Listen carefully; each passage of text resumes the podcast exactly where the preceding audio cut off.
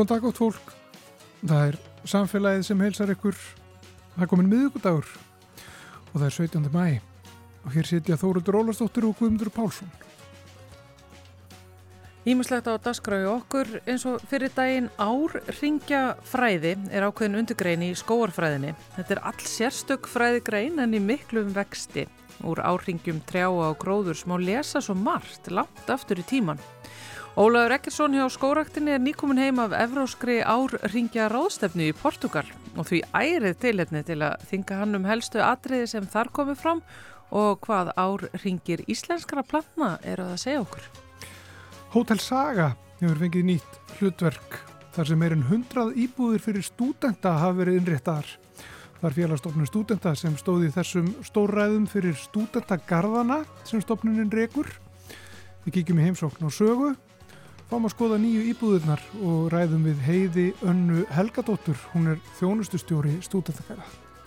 Við fáum svo eina málfarsmínútu og í lók þáttar kemur Edda Olgudóttir til okkar í vísendaspjallið og ætlar að spjalla við okkur um heil raðgreiningu á manna erðaefni, hvorki meirinu minna og uh, á eftir að gera það á manna máli geti líka lofað ykkur. En við skulum uh, byrja á árringjum.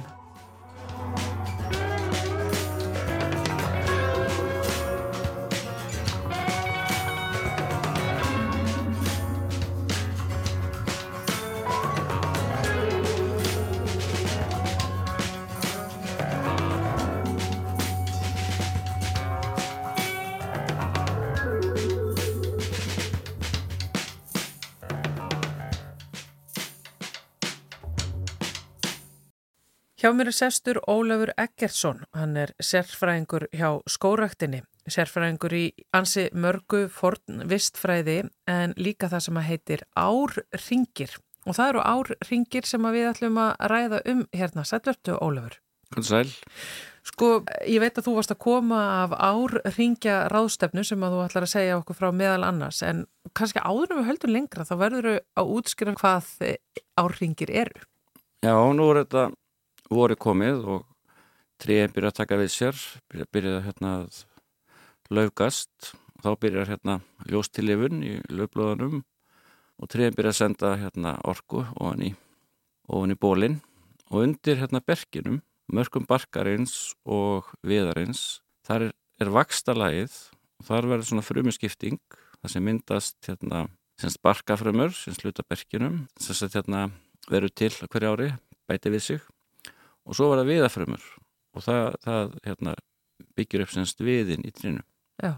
þannig að núna er þetta alltaf gerast. Og svo e, meðan hérna tríðir lörgað og, og sólinn skín og, og veðrið er gott þá vex eins og tríð á, á, á þvermálið, getum við sagt. Þannig að áhringurinn myndast yfir sumatíman svo frættið hvernig veðufarið er hversu hérna breyður hann verður kannski. Og eftir hvað hérna hvort þessu nógu mikið hliti Þannig áhrifingurinn myndast semst hverju ári og hverju sumri og svo vetunar þá fyrir tríð eftir í dvala og svo kolla kolli. Þannig að áhrifingurinn, áhrifingurinn sem er að myndast núna þess, þessu ári, hann fær eiginlega svona algjört ártal. Það kallar mann áhrifingin sem myndast árið 2023 og innar er það áhrifingurinn sem myndast 2022 og svo kolla kolli. Þannig að hver áhrifingur fær eiginlega sitt ártal og það notum við mikið í þessum áhrifingja fræðum, við viljum vita nákvæmlega semst ártalið á áhringnum. Já, og það er ekki aðeins ártalið sem að áhringinir geta sagt heldur ímislegt bara um árferði. Já, og svo hérna mælum við breyttir áhringina, þannig við mælum, sko í lefandi trjám þá getum við að tekið svona borkjarnar, maður tekur ofta svona kannski brjóstæð eða jafnvel neðar í, í byrki, þá fáum við svona kjarnar á trénu og svo getum við undibúið hann og, og og hérna, skorið í hann svona þannig að maður sjáu áhrifingina mjög vel. Og svo getur maður mælt og síðan mæli maður breyttir allra áhrifingina og um leið fer maður auðvitað ártal á hvern áhrifing og breyting getur sagt okkur mikið um árferðið og líka sagt okkur um ef við komið fyrir tríð eða það verður dæmis einhver skakkaföll eins og einhver skortýr sem hafa borðað laufið yfir, yfir sumatíman það voru kannski áhrifingurinn lítill hérna okkar breytagráðum, eða sérstaklega við tökum Ísland og svona norðurslóðir, þá er það sem stjórnar aðalega áhringabreitinni er þá sömar hitin, hittafarið í júni, júli, ágúst. og með því að mæla breytir áhringjana til dæmis er hef ég mikið skoðað bara áhringin í byrkinu það er svona þetta náttúrulega tré sem við erum með þetta, þetta íslenska tré bæði byrki og reynir og þá fáum við kannski áhringja tímatal það getur farið aftur í tíman kannski við tökum eldstu trén sem, sem við söpnum, þau eru kannski rúmlega 100 ára gömul þannig að þetta fá svona meðaltali yfir áhringja breytir alltaf síðustu öld og, og jafnvel aftur í, í 19. öld. Það er eins og trén geimi þá veðursöguna í sér. Já, það hálfgerður svona hita mælir og til þess að fá þetta svona nákvæmt þá, þá, þá er ekki nóg bara að taka eitt tré og mæla áhringin einu tré það þarf að taka kannski svona 20 tré frá sama skói og mæla áhringabreitir í öllum borkjarnar á 20 trjám og mæla áhringabreitirnar í öllum þessum 20 trjám og þá passa þau saman. Þau sína og, og að svipa munstur. Ef það hefur verið kallt ár þá, þá er það kallt ár í öllum áhringjónum á þessu svæði. Þá fær maður svona meðaltal fyrir áhringjavöxtin og getur svo notað ímis og borið sama við ímiskogn eins og, og veðfar úrkomu og og hérna, og svo ef við kannski ekki viðfarsgögn, þá var þetta svona endurskapa kannski út frá viðfarsgögnunum yfir þann tíma sem við hefum viðfarsgögn, hvernig viðfari var áður fyrr. Á þessari eh, sérfræðinga ráðstöfnu um árringi sem að þú ert nýkomin af, hvað er að gerast í þessum fræðum? Eru þau, eru þau mikilvægi í dag?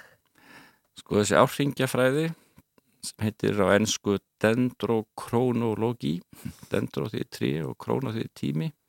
Og logo er svona fræðin. Þetta er ekkert mjög gömul fræði.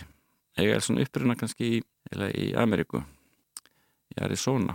En það er búið að vera mikil framþróun sérstaklega þegar tölviteknin tók við svona upp úr 80 þá var miklu auðveldur að vinna með svona mikið gagnamagn. Þannig að maður tekur, maður fær svo mikið af gögnum það tekur mælir svo marga áhringi og fyrir svo langt aftur í tíman og tökum mörg trí en á þessari ráðstöfnu sem ég var á í, í Portugal þetta er svona meira svona evrósk ráðstöfna og það er meira lagt upp á því að nefendur sem er í framhalsnámi sé að kynna sína rannsóknir.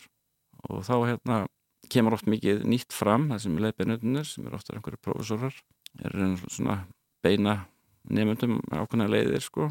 Kannski ekki gera nokkla sama búið að gera í síðustu 40 árin.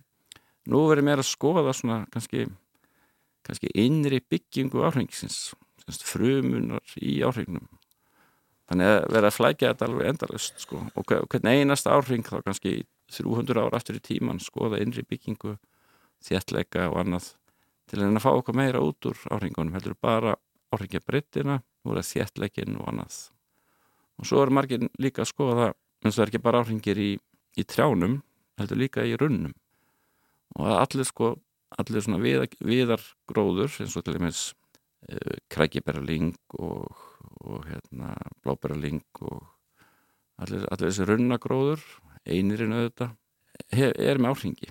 Og það er þetta semst rannsaka líka áhringina í þessum runnagróðri. Og það gefur oft mjög skemmtilegar niðurstöður og, hérna, og þessi runnar getur verið mjög gamlir. Og jafnvel eftir að skoða fjölar fjölara plöntur eins og til dæmis uh, uh, holtasóli náttúrulega svona vinsal í dag í fjöllunum í Ölpunum til dæmis. Við ætlum verið með þess að gera svolítið rannsóknirna heima núni sumar, sapna holdasóli menn þess að þó að stopnin degi niður yfir, yfir hérna í vetturinn þá, þá varveitist vöxturinn í rótarhálsinum getur maður sagt sem er alveg við jörðina. Þar getur maður fundið týjir áringja og sagt á þess til um aldur, gróðurhulu og, og líka hvernig þeim er verið eitt af Þannig að það er ímislegt í gangi. Já, þetta er mjög spennandi að geta lesið svona úr uh, plöntunum og gróðrunum okkar og þetta er greinilega einhvers konar sagfræði, þetta er náttúrulega fortlefafræði, það er hægt að fá alls konar upplýsingar út úr þessu. En hvað græði maður á því að, vita þetta? Sko áhrifingafræðin er svona grunnun fyrir svona til dæmis hvernig viðfæri við þróast yfir aldirnar. Til dæmis fyrir mig norðu Svíþjóð þar sem Furamex þar hefum við búin að búa til áhringja, samfélta áhringjakurvu e, svona 6.000 ára aftur í tíman þannig að maður er með sem söguna yfir vöxtrána 6.000 ára aftur í tíman og það er búið að semst, endur skapa þá sumarhittan 6.000 ára aftur í tíman í þessum trjám. Og þetta, svona, svona áhringjakurfur áhringja meðaltöl eru til viðsvegar um heiminn svo nú kemur sunnar í Európu til dæmis í Þískarlandi þá voru til áhringjakurfur fyrir eig sem ná alveg um nýðust ára aftur í tíman vegna þess að nefnir hérna til dæmis fordlega fræðina þá eru áhringi líka notað til þess að aldurskreina gamla byggingar gamla semst í Evrópu. Og þá var aðalega eigi notuð aftur að mötum við fötti Svíþjóður og Noregs og Finlands þá var þetta notað föruna þegar húsin þar voru byggðið föru til þess stafkirkjurnar í Noregi. Það er búið að að aldurskreina við vitum nákvæmlega hvenar timbrið sem var notað í kirkjurnar þar til þess að gamla stafkirkjur, hvenar það var felt í skóin upp á ár. Þetta er semst það er til tvær aðferður við að aldursgrunn eitthvað sem er ekkit mjög gamalt. Það er til og með skeislakólsaðferðin sem gefur alltaf akkurna skekju og svo er þessi áhringja aldursgrunning þá kemur inn söguna og, og En fyrir þig sem áhringja sérfræðingur á Íslandi. Er það eitthvað skemmtilegt? Já, já, það er mjög skemmtilegt. Ég, það, ég er, endar, er ekki alltaf að sinna áhringjum. Ég, er hérna sérfræðingur í svona, já, forðvistfræðinni og, og líka í viðarfræði. Þannig í mínu námi þá lærði ég líka mikið um viðin og innri byggingu hans og þá kemur það einu svona viðargæði. Eftir að við hugsa bara um áhringina þá var ég þetta bara að bóra í taka kjarna úr hérna úr öllum byrkiskof landsins og fá þannig svona aldurstreifingun á þessi, þessi gömlu byrkilefar sem við erum með hérna á Íslandi og líka að skoða þessi reyni viðin og og elsta treð til dæmis sem við höfum fundið það fann ég til dæmis í Hallandstæðaskói það er svona hluti Hallandstæðaskóa sem heitir Gatnaskóar sem er svona elsti hluti Hallandstæðaskóar og þar boraði treð fyrir einhverjum tæpum, já, 15 ára síðan. Og það varum 190 áhringir í því treð þannig að það er hljóðast elsta treðið á Íslandi sem ég veit um sko, það getur leinst eitthvað eldri treð, þetta er byrkið þarna í Hallandstæðaskói en síðan fyrir hérna bara erfam árum þá fórum við á Hólasand sem er fyrir norðan. Og það er hérna mjög svæði sem er allt uppblásið, það er bara sandöðin, það er bara eðmörk í dag. En það er einn og einn svona eini viðarunni, einirinn hefur einhvern veginn náða að lifa af þar og þar tókuðu bara svona pröfu síni af svona trjám sem voru hálf, hálf döð voru svona blása upp einir Þar fundu við til dæmis einiruna sem var með 270 árhengi og það er eiginlega svona það helsta sem við fundið hérna heima. Það er einsins eini við sem byrjaði að vaksa ekkert um 1750. Það er algjörlega magnað. Og, og við ætlum að reyna að halda þeim, þeim rannsóknu líka áfram þegar tækifæri gefst Já. í samfunni við landgræsluna. Og er þetta þá ekki besti lestur sem að við fáum á gróður og veðurfar á Íslandi langt aftur í aldir? Ekki langt aftur í aldir kannski en við fáum svona síðustu tvær aldirnar þá fáum við vita eins um, um hérna, ástand gróð, gróðfass og, og hérna, getur lesað eins og um viðfarið á þeim þessum 200 árum við degum við hérna, viðfarsgögn að hluta en þannig komumst það lengur aftur og líka sjáum líka margt annað eins og, eins og skortir að fara á draga sem að herja á byrkið og nú, nú er nýtt ný, nýjir ný óværa leggjast að byrkið og við ætlum að skoða það í sumar bara svona þess að það er nú bara einhverjum rannsóng sem fer þá bara örf og, örf og ára eftir í tíman sjá hvort að það hefði áhrif á vöxt byrkisins byrki kempa og byrki þjela og kannski hérta eitthvað um það. Jú, þetta er búið að vera alveg sumar fréttin hérna ár Þa, eftir ár. Þannig það er þetta nátt áhengina líka bara að skoða það sem hefur gerst síðustu síðust áratögin Já. Sko, pallegt af uh, gróðrinum og trjánum að geima þessa sögu og, og lefa okkur að fá hana að hún sé ínáunleg og eins og þú talar um að þetta er ekki þannig að það þurfu alltaf að fella eða rýfa upp, það er hægt að taka þessi bórkjarnana og það, það eðilegur ekkert tríin.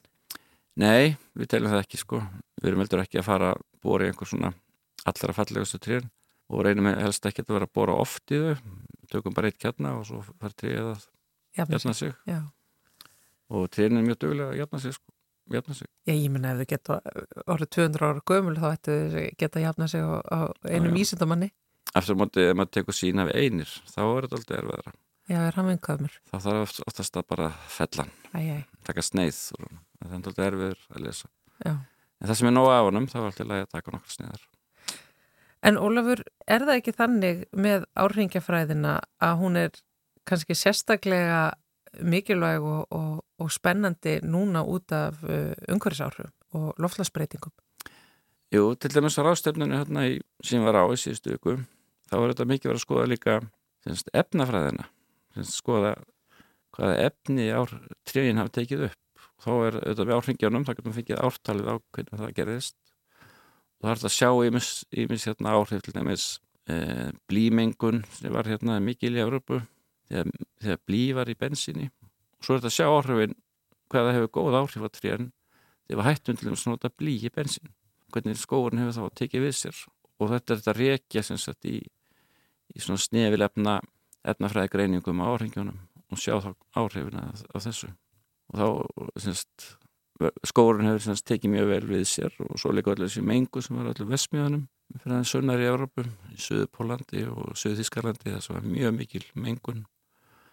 Kannski umræðum súra regnið af, af furan og greinið er alltaf var, var allt drefast sko. þetta sjáuð, sko, þetta er tre lifð af og áhrif þess að sjáuð semst, í, í áhrifjónum þegar við tökum kjarna. og þau, þau tre eru kannski 300 ára komil í dag. Þannig einmislegt svona sem er líka merkilegt. Og svo líka þetta að vera að skoða, skoða sem heitir súrefnisísatópar í áhrifjum þá getum að lesa líka betur um, um, hérna, um uh, viðfarssöguna Og þessi saga sem að blasir við úr þeim trjám sem að þú hefur skoðað hér á Íslandi geta þau gefið okkur hvað ég segja, einhvers konar ráðlíkingar um það hvernig við eigum að uh, vinna í landgræslu og skórakt núna? Svo, Já, það sem við gerum líka reyndar, við erum ekki bara að skoða áhrifingina sem er í Birki og, og íslensku náttúrulegu tegundum. Við skoðum líka vöxtin í þessum trjám sem við erum að planta. Þannig þá fáum við upplýsingar um til dæmis uh, hvað, hvað mikið viður er hvað mikið framlegsla við er. Og líka grísjum skóana hvað áhrif það þegar voru vöxtin þannig að ef maður tekur ógrísjan skó og grísjan skó þá sér maður líka breytingarnas verða við grísjun og þá ekstu þetta vöxturinn í þeim trjám, trjám sem verða eftir. Og þannig ekst kólefnisbindingin í, í skóanum og með því að grísja þá kannski getur við nýtt viðin í eitthvað skemmtilegt sem við grísjum út og meðan þessi fallegu tré sem við skiljum eftir fá að vaksa á dafna og, og hérna gefa þá alveg timbur í fremtíðinni eða bara strax á næsta árum við skiljum alltaf eftir þessi beinu og fallegu tré. Og þannig getum við líka já að lesa hvernig, hvernig, hvernig tiltókst með grísjun og hvort það tríðin séu í lagi. Og líka getum við já sé hvort það sé eitthvað, eitthvað sem einhver óvara eins og sitkalúsin, hún hefur haft áhrif á sitkagreinið. Já, já, en sjáum við kólefnarspendinguna líka? Já, það er ná ímsa aðferð til þess að mæla hana, það er bara að mæla rúmál, rúmáltrjána, en við getum líka að skoða hversu hratt, hver hröð kólinspindingin verður, við getum líka, já, þannig að það er margar aðferð, en það er aðalega þetta með rúmálið og hvað er mikið hérna, hvað er mikið lífmassi í trjánum, sem þá getum við um reknaði yfir í. Já.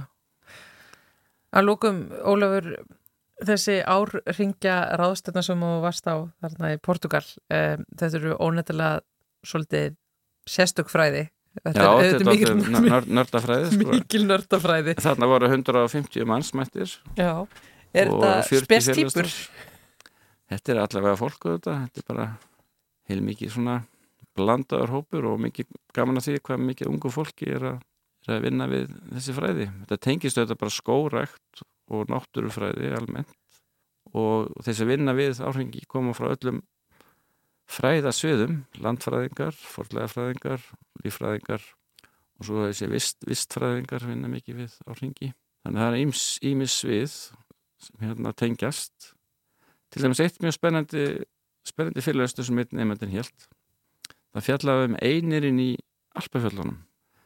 Einirinn er trjátegund sem vex fyrir ofan trjámörkin, fyrir ofan það sem hérna fyrir og lerki vex þar vex einirinn, bara svona jarlega raunni eins og hérna Íslandi og hann var búin að taka sem sagt þessi nefandi og hans leifbærandi búin að taka fullt af sínum af eininum og gætt sem sagt kortlegt mörg hundur ára aftur í tíman snjóhölu hversu mikil snjór hefur sapnast eins og einirinn vill vera undir snjónum.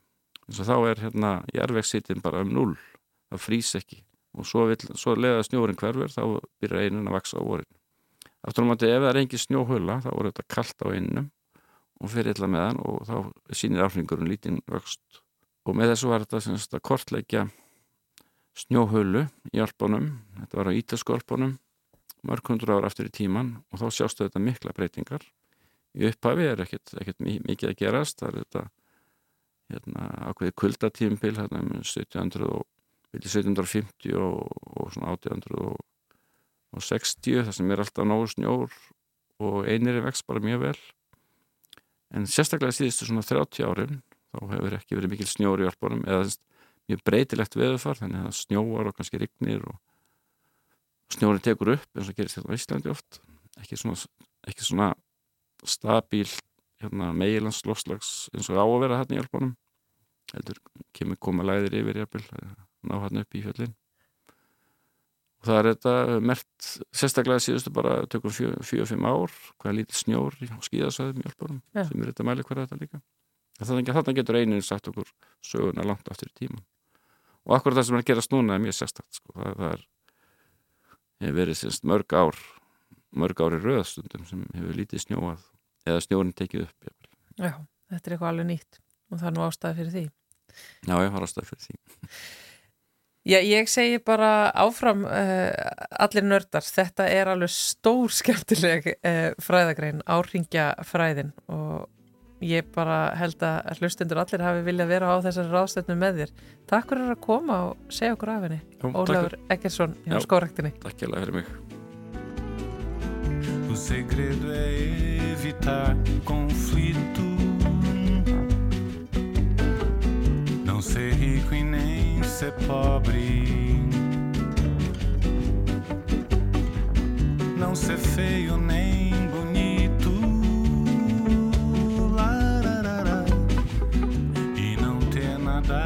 sobre. O segredo é não ter segredo. Não fazer nada escondido. Não cultivar tanto medo. É gostar de ser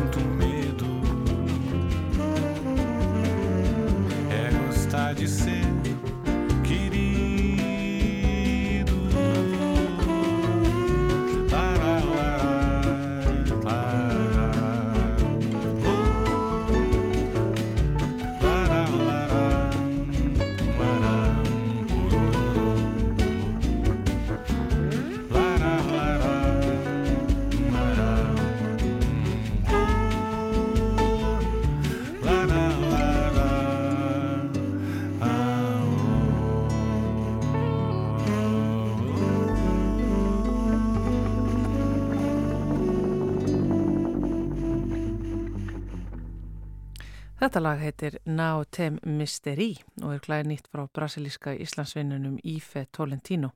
Þetta er að plötu sem að kemur út í sömur og með honum Ífe spiluðu þarna Óskar Guðjónsson, Eithor Gunnarsson, Skúli Sverrisson, Ómar Guðjónsson og Mattias Hemstokk.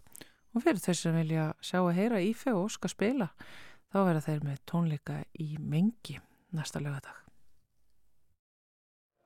Ég stættur á sögu, þar sem eitt sinn var hótel. Og uh, hér er nú verið að leggja loka hönd á uh, aðstöð fyrir stúdendagarða og uh, hér eru mörg herbyggi fyrir stúdenda og litlar íbúður sem að suma hverjar eru já, tilbúnar. Og eins og heyrist þá er verið að vinna hérna, við erum hérna í sameilu rými fyrir stúdenda og hér er Heiður Anna Helgadóttir, hún er upplýsingafulltrúi félagsstofnunar stúdenda og þjónustustjóri stúdendagarða. Eh, Þetta er alltaf að taka sér mynd hérna. Já, heldur betur. Það bara styttist í þetta sé allt tilbúið. Uh, stemt á uh, lok mæja þá verður bara allt reddi. Já. Og við erum hérna í, í sameilu rými. Já, hér eru við í svona sameiginleiri setustofu sem eru á hverju hæð þar sem að íbúar geta komið saman eða búið vinum með fjölskyldu í partí, mat eða bara hist til að læra saman, uh, einhver svona samveru staður fyrir íbúa. Já. Og hér náttúrulega var hótel í mörg ár og þótti nú bara glæsilegt svolítið. Það minnst að kosti voru hér, hér glæsilegar svítur sem staðar. Um, hvað var þetta mikið átak að, að gera þetta, að breyta þessu húsi svo það er því svona hæft sem uh, stúdendaibúður? Einmitt. Það, það var alveg, alveg svolítið átak en gekk eh, bara eins og í sögu. Við hófum framkvæmdur hérna eh, snemma árs 2022 þannig að núna rúma ári síðan eh, erum við bara að flytja inn í allar íbúðir og í, í rauninni bara afreg út af fyrir sig finnst mér hjá eh, þeim sem að koma að þessu. Eh, En það þurfti að breyta mörgu en við heldum líka í margt eins og eh, þú sér kannski brassið, það er ennþá á liftunum og, og íbúðunúmurinn eru með brassi. Þetta er kannski ekki eitthvað sem við hefum endilega gert ef þetta verið nýbygging. En, og litirnir, þetta eru sögu, sögu blár litur eins og hann kallast. Þannig að hérna, þetta er búið að vera skemmtilegt og svona öðruvísi verkefni. Já, þannig að það er svona uh, andi húsins, hann er svona, það er aðeins haldið í hann. Það er mikið haldið í hann, já, bæði í svona lúkinu og svo erum við að hérna, halda líka svolítið upp á sögu húsins uh, á veggjum sagt, uh, húsan, eða byggingarinnar. Þar verða sagt, svona mólar úr sögu húsins uh, stikla á stóru á ymsum svona merkisatbyrjum sem hafa farið hérna fram. Hérna sjöttu hefðinni til dæmis Englar Alheimsins svona veggmynd og svo er farið við tunglfarana sem gisti hérna, uh, auðvitað farið aðeins yfir sögu bændahallarinnar og, og, hérna, og svona ýmislegt, já. Já, við erum semst núna hérna upp á, upp á sjöttu hæð. En hvað er þetta margar íbúður? Þetta eru 111 íbúður í heildina og það eru 5 hérna í tengibyggingunni sem er að koma inn í lok mánar en annars er flutt inn í allar, allar hinnar. Já, þetta eru mjög margar íbúður. Þetta eru rosalega margar íbúður en hefur gengið ótrúlega vel og við erum búin að vera hérna að taka móti íbúðunum sem eru að flytja inn og allir hæst ánæðir og eiginlega bara sko ánæðir en við eitthvað endilega áttum von á sko. Það kemur þeim á óvart hvað þetta er æðislegt. Og fyrir hverju eru þessar íbúður? Þetta er fyrir stúdenda í Háskóla Íslands og hérna það er vissulega opið fyrir umsóknir allra hjá okkur en, en stúdendar við HÍ eru í, í mestum fórgangi og bara dásanlegt að geta einhvern veginn stækkað þetta háskólasamfélag í þessa átt svolítið og, og hérna fjölgað íbúðum fyrir, fyrir nefnendur. Já, og er þetta, er þetta íbúður fyrir pör, er þetta fyrir einstaklinga eða bæði? Eða? Þetta eru einstaklingsýbúðir, stúdíuýbúðir uh, og það er svona lítil eldursinnrétting inn í íbúðunum. En ég veit til þess að búið hérna nokkur pör sem að hérna ætluðu sér að, að óskjöftu flutningi yfir í paribúð. Munurinn er bara að það eru auka herbyggi en eftir að þau komu hérna þá hérna, hættu þið við. Og ég held að útsýnið hafi mikið með það að segja. Það eru svona risastórir uh, gluggar í íbúðunum bæði norður og söður og sérstaklega norðurgluggarnir þeir eru, ég heldur, stækki íbúðuna bara um helming. Ég var alltaf hérna aðeins inn á, inn á gangin og, og skoða íbúðunar.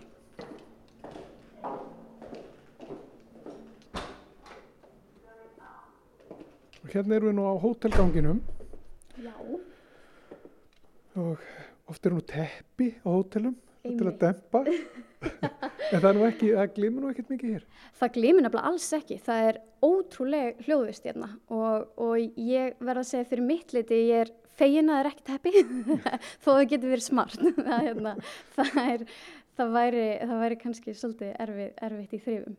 Mm. En svo sér við hérna vegg, þetta vegglistaverk sem ég var að tala um. Mm. Að hérna er sem sagt, e, eru englar alheimsins og geðheilsa í, í forgrunni og, e, og svo hérna hinum einn það er náttúrulega talað um að því auðvitað englar alheimsins tengjast hótelsögu e, stert. E, eftirminnilegsta senan var hann á grillinu og svo tengjum við þetta í rauninni geðheilsu og háskóla samfélaginu hérna hinum einn þar sem við bendum á Uh, Hugrúnu geðfræslufélag sem var stopnað nefndum háskólans og svo bæði sálfræði ráðgjöf Háskóla Íslands og nefndaráðgjöf sálfræði uh, nema af því að hérna geðheilsa og geðheilbrið er okkur mjög svona uh, hugleikið á stúdendagörðum og, og rauði þráðurinn í rauninni í okkar stefnu er að, að íta undir samveru og komi vekk fyrir félagslega einangrun. Og hér er sko, mynd af, af þeim félögum á grillinu úr þessari frægur senu mm. í Englum Alheimsins. Eh, Gegnir grillið eitthvað hlutverki fyrir félagstofnum stúdenta? Uh, nei, því miður hérna ekki. Við háskólinn mun sjáum að, að koma grillinu í eitthvað eitthva stand. Við vonum samt bara að þetta verði eitthvað gegja play sko, og jáfnvel opið fyrir, fyrir íbúa og nefndur. Sko. Mm -hmm. það er spennandi, það verður spennandi að sjá. Já. Og hér er þvóttahús. Hér er þvóttahús uh, og, og hér getur fólk þegið og þurka fötinn sín og, og þetta er í svona skemmtilega bláum lit einmitt og þetta er alveg, alveg hluti af, af sögunni líka, þessi blái litur, bæði hérna á vegginum og í þvóttahúsinu. Já. Hefur við kikið hérna í búð? Já, endilega.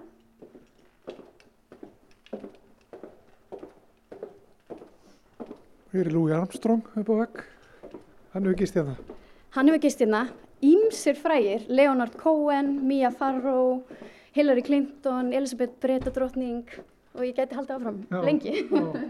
Herðu, býta nú eða, ok, við erum komin hérna í herbyggi nr. 607. Í mitt, hér er bara uppbúið rúm og hér er einhver að lesa bókina Húsið okkar brennur. Já. Eru íbúðunar, eru þar allar í þessari stærð eða hvað? Lang flestar eru í þessari starf. Uh, íbúðunar á sjöundahæð eru örlíti minni af því það eru svona indreið uh, hérna efstahæðin og íbúðunar í tengibyggingunni eru talsvert stærri. Þær eru alveg hátt í helmingi stærri og það mætti alveg kalla þær svítur sko sem hérna, er ekki ennfarnar í, í útlegu. En þessar eru 25 fermetrar uh, sem að mér finnst eiginlega ótrúlegt standandi enda inn í henni af því að mér líður eins og hún sé miklu starri það er hérna og eins og ég sagði á þann ég held að, ég held að þetta útsýni geri ótrúlega hluti fyrir íbúðina Já. og einhver nefndi það hérna íbúi sem að býr hérna að þetta væri í rauninni bara mjög heilandi að vakna draga frá horfutun gluggan og sérði hérna alveg alla esuna sérði jafnvel hérna yfir á Snæfells jökul og bara allan miðbæinn. Þú getur öruglega náðu leyniskiptinu hann á hörpu eða þú ert með sjón eitthvað. Já, akkurat. Það er um eitt leyniskiptur þar núna vegna fundarins. Já, sér hörpu, hún blasir náttúrulega við hérna og Sælabankin og allur miðbærin og þetta er náttúrulega, þetta er ákveðin lífskeiði, getur maður ímda sér eh, fyrir stúdenta að geta notið þessa útsinnis. Já, ótrúleg. Og, hérna, og bara þessi staðsetning er auðvitað bara mjög dýrmætt og að vera hérna bara í í rauninni hjarta hásklásaðisins það er stutt í allt. Og stutt í skólan, stutt nýri miðbæ stutt yfir þjóðabóklöfuna mm, og, og líka bara ótrúlega skemmtilegt að einhvern veginn fá að vera hluti af þessari sögu. Af því að hérna, í rauninni núna heldur þessi saga bara áfram með hverjum íbúa sem flytur inn.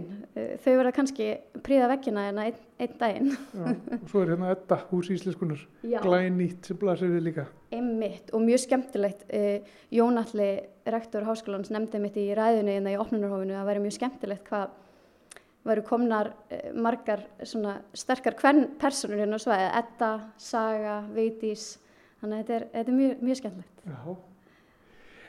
Hvernig er, er eftirspurnin eftir íbúðum fyrir stúdenta?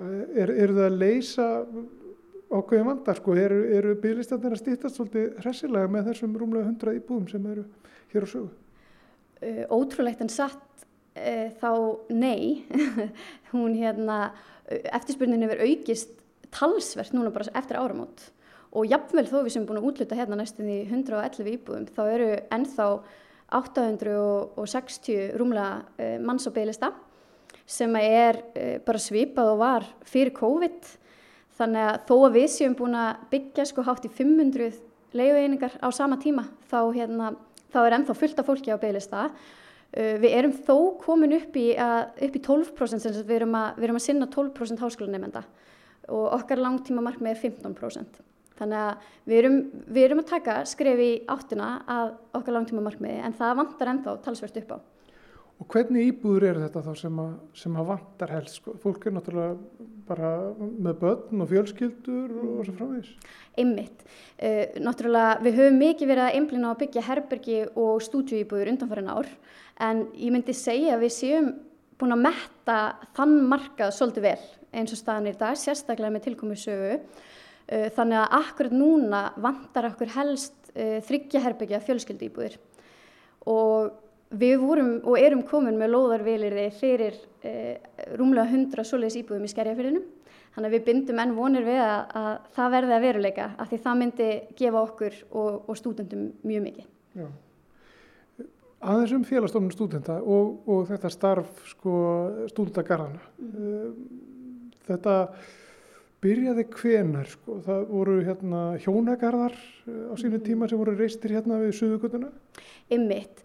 Eggertskatan og Áskarðakverfið er svona elsta hverfið og, og ég man nú kannski ekki alveg ártalið en það er svona kringum kannski 1970 eitthvað svo leiðis og, og hérna og svo stækkar þetta bara hægt og rólega uh, árin á eftir svo verður svolítið svona sprenging í kringum kannski 2010 til 15 þar sem við opnum á, á Lindargötu 2009 í Brautarholti 2016 og Skóaveginum 2009 um, og svo síðan bara ég byrjaði fyrir sex árum þá hefur, þá hefur fjölgað eins og ég segja á hann um hatt í 500 leiðueiningar á Sæmundagötu.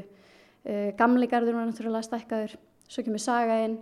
Við erum að fá inn að vísu bara tíu íbúður en samt tíu íbúður á, á Lindargötu núna í haust og svo erum við að, vinna líka í því að, að byggja svona samkomi sali þar sem að í þessum eldri hverfum eins og ægjarskutu og lindagötu þar sem að hérna, íbúar getur komið saman til að tryggja þessa, þessa samveru. Og... Sko það er mikið í fréttum og hefur verið lengi sko hús, það vanti húsnæði. Mm -hmm. Leiðin sem þið að farið er bara byggja og byggja og byggja.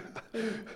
hvernig gengur það, hvernig það gengið undan farin ár og hvernig sjáu þið svona já, næstu, næstu ár? Þeir eru komið vilir fyrir lóðum segiru, mm -hmm. hvernig sjáu þið fram á að, að, að svona láta þetta ganga og, og það sést allir gangur í, í þessari uppbyggingu? Einmitt.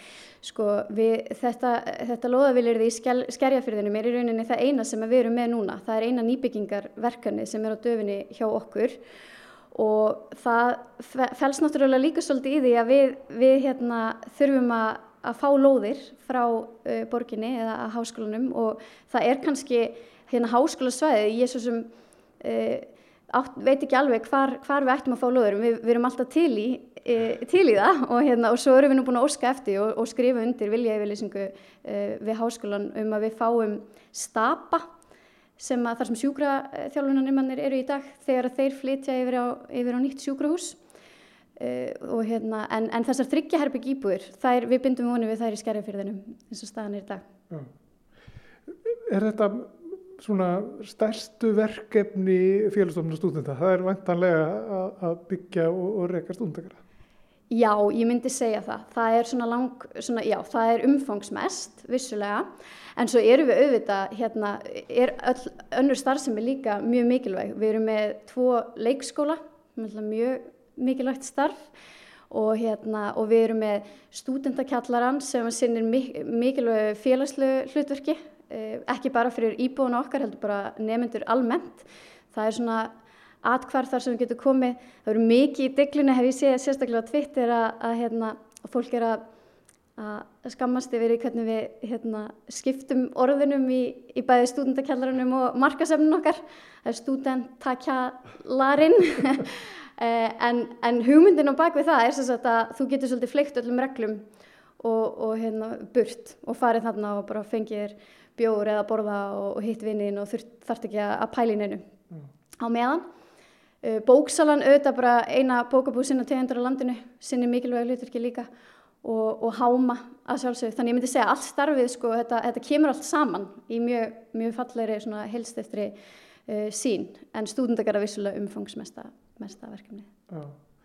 Hversu mikilvægt er það svona að, að eh, já, stúdendar geti haft vettvang til þess að svona, já, búa saman, mm -hmm. vinna saman Eh, borða saman og svo framvegist að hérna nú háskóla torgið er nú hérna þar sem, sem er svolítið svona miðlegt. Er þetta mjög mikilvægt fyrir stúta að hafa svona aðstöðu og, og ramma? Já, ég myndi segja það. Og við höfum séð bara í uh, könnunum uh, bæði hérlendis og erlendis að stúdendum almennt því miður líður ekki nógu vel. Og þar leðandi í rauninni eru við að gera allt sem í okkar valdi stendur til að, til að leif, láta þeim líða betur með öllu því móti sem við getum og, og háskólinn sumuleiðis og við höfum alveg unni mjög gott starf með háskólanum og stúdendaráði í að, að hérna að bara í rauninni, já, í þái stúdenda og, og sem dæmi tóku við stórskráð stúdendagörðum fyrir örfum árum síðan þegar við ákveðum að prófa að leifa dýrahald sem var líka skref í áttina að á bættri geðhilsu og hefur gengið bara rosalega vel og við erum búin að stækka á núna tvísvar þannig að dýrahald er núna left í fjórum byggingum þannig við hlustum líka á stúdenda við sendum út þjónustukannanir uh, bæði á íbúa og bara nefndur háskólans til að sjá hvað þau vilja, vilja frá okkur og reynum að, að fara eftir því, því eftir því sem við getum Næsta stóra verkefni er í, í skerjafyrðinum ekki satt, mm -hmm. gerir ykkur ykkur á vonir um, um svona er ykkur tímasendingar sem þeir eru með í huga Er þetta alltaf óljóst ennþá? Þetta, þetta virðist vera svolítið óljóst ennþá. Við vorum svolítið búin að blása þetta út á borðinu um tíma því miður en svo voru nú okkur að glæta á lofti þannig daginn. Þannig að ég, ég persónulega er að vona bara að við getum hafist handa já, jafnvel núna í ári eða snemma á næsta ári. Pressa. en það, maður sér það hérna á þessu, uh, þessum uh, íbúðum hér að það er nú hægt að orka ímsu á ekkert mjög langu tíma. Algjörlega og það er ótrúlegt. Ég hef nokkur sinnum núna komið inn í svona e, bæði nýbyggingu og hingað e, mjög stuttu áður en fólk átt að flytja inn og mér bara hafa alltaf fallist svolítið hendur mm. og ég hugsa bara þetta, þetta, getur ekki, þetta getur ekki gerst á svona stuttum tíma en það er ótrúlegt hvað fólk getur afreikað á stuttum tíma og og sko, svo saði mér nú hérna fröðu maður að, að það væri jafnvel einfaldara að, að byggja bara nýtt heldur en að taka svona gammalt í gegn. Þannig að við getum jafnvel að vera enn fljótari að því. Já, Við skulum fara að ljúka þessu hérna úr herbyggi nr. 607 á sjöttuhæð uh, eh, hótelsögu, nýjir stúdendagarðar hér. Takk fyrir að sína okkur þetta, gaman að fá að skoða heiður Anna Helgadóttir upplýsingafull trúi félagsstofnunar stúdenda og þjónustustjóri stúdendagarða Takk fyrir kærlega.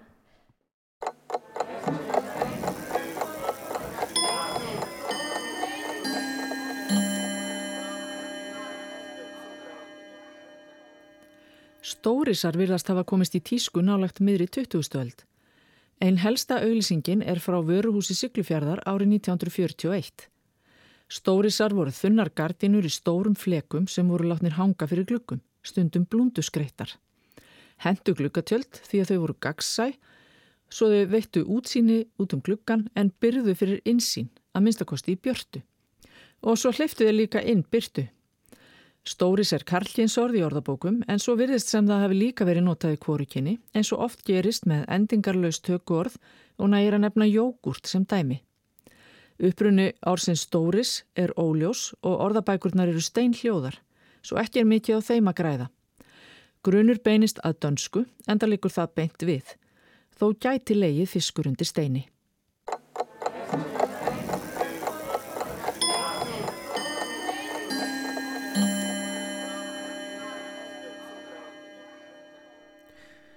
Málfarsminúta að baki hér hjá okkur í samfélaginu og þá komið á öðrum föstum lið vísenda spjallinu með ettu okkar Olgudóttur Sælverð þetta. Sælverði. Það er erðaefnið okkar, mannana sem að þú ert að skoða í dag. Einmitt, ég ætla að segja ykkur frá hérna risastóru verkefni sem að er í gangi sem að heitir Human Pangenome uh, Reference Consortium Pangenóm, þetta er sko sama pan og er, er sett framann við pandemic eða heimsfaraldur. Og þetta er semst bara vísun í það að þetta er hérna heildin, þetta á við alla. Og hérna og þá erum við að tala um sko erðaefni allra í heiminum. Það var hérna í var ekki bara í fyrra vetur eitthvað sem við töluðum um að það væri loksins búið að loka erðæfninu hjá manninum, mm -hmm. það væri loksins búið að klára er, að raðgreina þessi erfiðu svæði sem að hérna, hefur ekki tekist að raðgreina, jafnvel þó við höfum sko, þó við fengum tilkynningu hérna rétt upp úr aldamótum um að við værum búin að raðgreina erðæfni mannsins, þá hérna fyrir árið síðan að þá var því hérna loka því að þá kláruðist þessi erfiðu svæði og þann sem hefur náttúrulega rosalega mikla þýðingu, þannig erum við með rosalega mikið af upplýsingum um hvernig við erum samsett og úr hverju, hvað, hverju uppskriftin að manninum. Já. En þessar hérna, upplýsingar þær kom ekkert úr mjög stóru þýði. Þær eru hérna uh, raðgræfingi sem er byrt hérna upp úr aldamótum, ég held að það hefur verið uh, 2003 sem þessi hérna, heilraðgræningin var fyrst byrt hún er sko mjög miklu leiti úr einum einstakling. Og, og geta hvítu karlmanni. Já, nákvæmlega, það er ákvörðat þannig. Já. og það er hérna sagt, það kannski er ekkert mjög lýsandi fyrir restina af alheiminum. Og, hérna, og svo hafa náttúrulega bæst við sínu og við erum búin að vera bæta við og loka þarna erðamenginu. Og það, þó að það sé ekki sami einstaklingur þá er þetta samt ennþá mjög svona takmarkað þýði og hérna, þannig að þetta er ekki hérna, uh, þetta er ekki lýsandi fyrir sko samsetningu heimsins og þau, öll þau þjóðarni heimsins sem eru til. Þannig að núna er sem sagt farað á stað í þetta verkefni, þetta pangenóm verkefni í manninum þar sem að hérna við ætlum að vera með 350 einstaklinga í pottinum sem eru raðgrændir og þeirra hlutfall þeirra er sambærilegt við hlutfall, annar, hlutfall þjóðerna heimsins. Þannig að þetta á að vera lýsandi fyrir það hvernig heimurinn er samsettur, ekki bara hérna Evrópa eða Bandaríkin. Og hérna, svo þar að auki að þá eru þau sko bæði með þessa 350 einstaklinga og foreldra þeirra.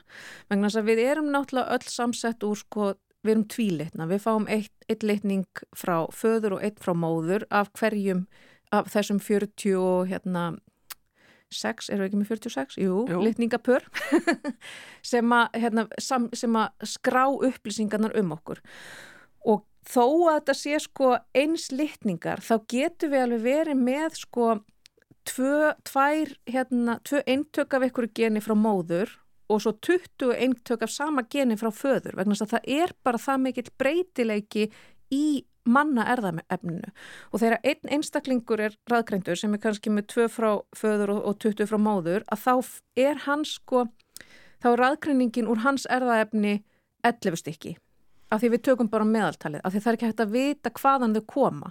En þegar þetta er borið saman við erðaefni fóreldra, þá er hægt að sjá þennan breytileika. Þannig að breytileikin er þá á bylinu 2-20.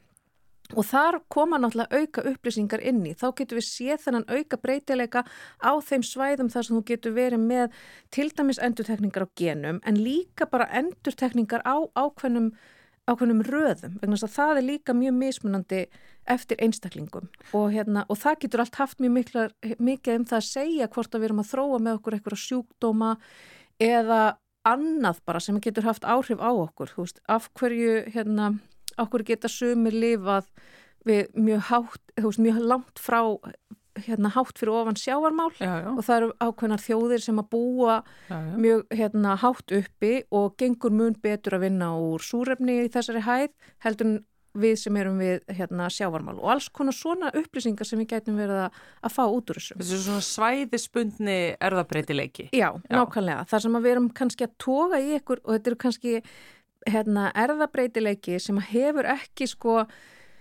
uh, nógu mikil áhrif til þess að vera þannig að við séum búin að finna það. Það eru bara svona smávægileg áhrif og það er erfitt að finna það vegna þess að það, svona, það týnist í sko skvaldrinu sem að erðaefnið og raðkrenning af erðaefninu gefur frá sér. En þetta er þarna. Þetta er þarna og nú erum við svona búa til tólið til að leita að því.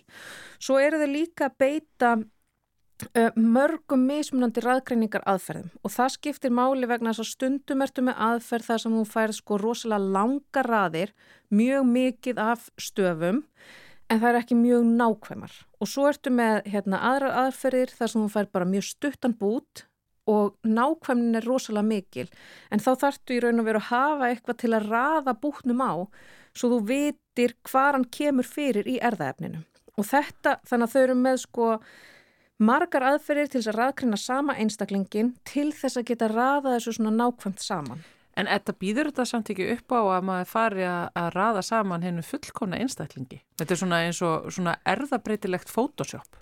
Já, sko það er náttúrulega mjög erfitt þú, ert, sko, fyrir okkur að raða erðaefninu til þess að búa til einstakling.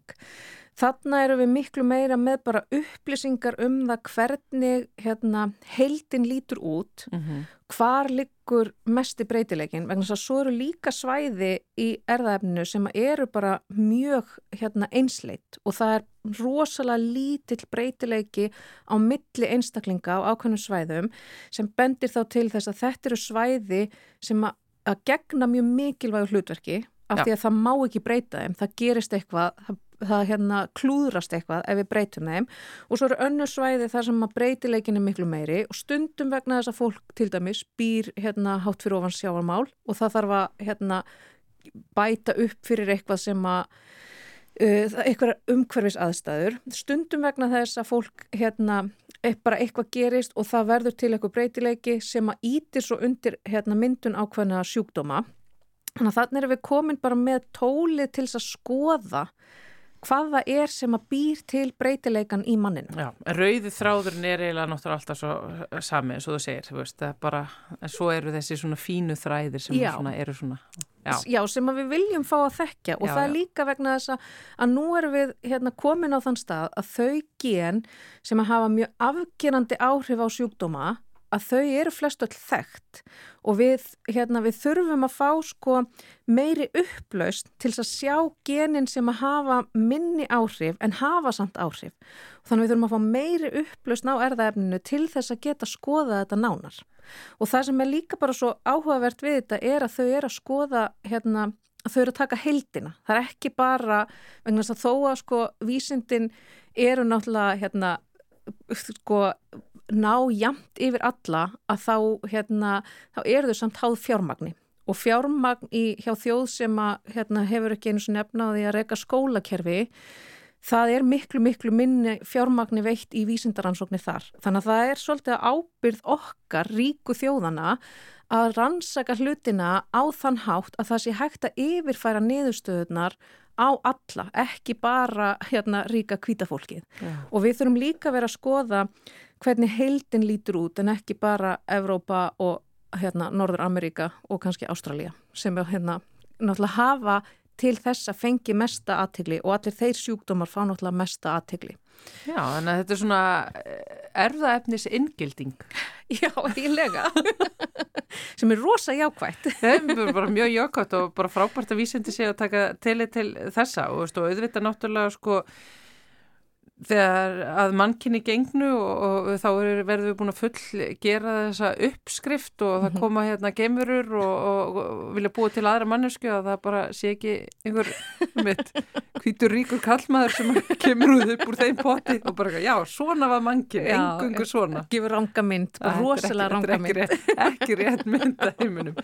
Þetta er stórmerkilegt, en er þetta þá sko af því þú varst að tala um að þessi veist, heilraðgreining, það fyrst tala um að nætti að vera búin, en með við það sem þú ætti að segja, ver, veist, kláru við hana einhvern tíma? Nei, ég held Nei. ekki sko, ég held að það sé bara alltaf hægt að bæta við. Og þessi, þau ætla að vera búin með þessa 350 einstaklingar núna um sagt, mitt ár 2024 þau voru að byrta þrjár greinar um, hérna, þá eru búin að raðgreina 47 einstaklinga svo er bara alltaf hægt að bæta í pottin og finna nýjar hérna, hvað maður segja, nýja vinkla á þetta mál vegna þess að þetta er einhvern veginn bara, já, verkefni endalösa. Þetta er sko. erðaefni. Já. Það er aldrei hægt að lesa það til enda. Algjörlega. Magnað, Edda, takk hérlega fyrir að segja okkur þessu og þetta er forvittnilegt úr heimi vísendina eins og alltaf eh, og eh, það síðasta sem er í þætti dagsins, Guðmundur Pálsson. Já, mikið rétt. Við verðum hér næst á förstu dag, það er frí á morgun. Almenni frítagur fögnum því. E, njótið þess ágæta dags á morgun. Við verðum hér á förstu daginn eins og fyrir sér heyrust á Verðið sæl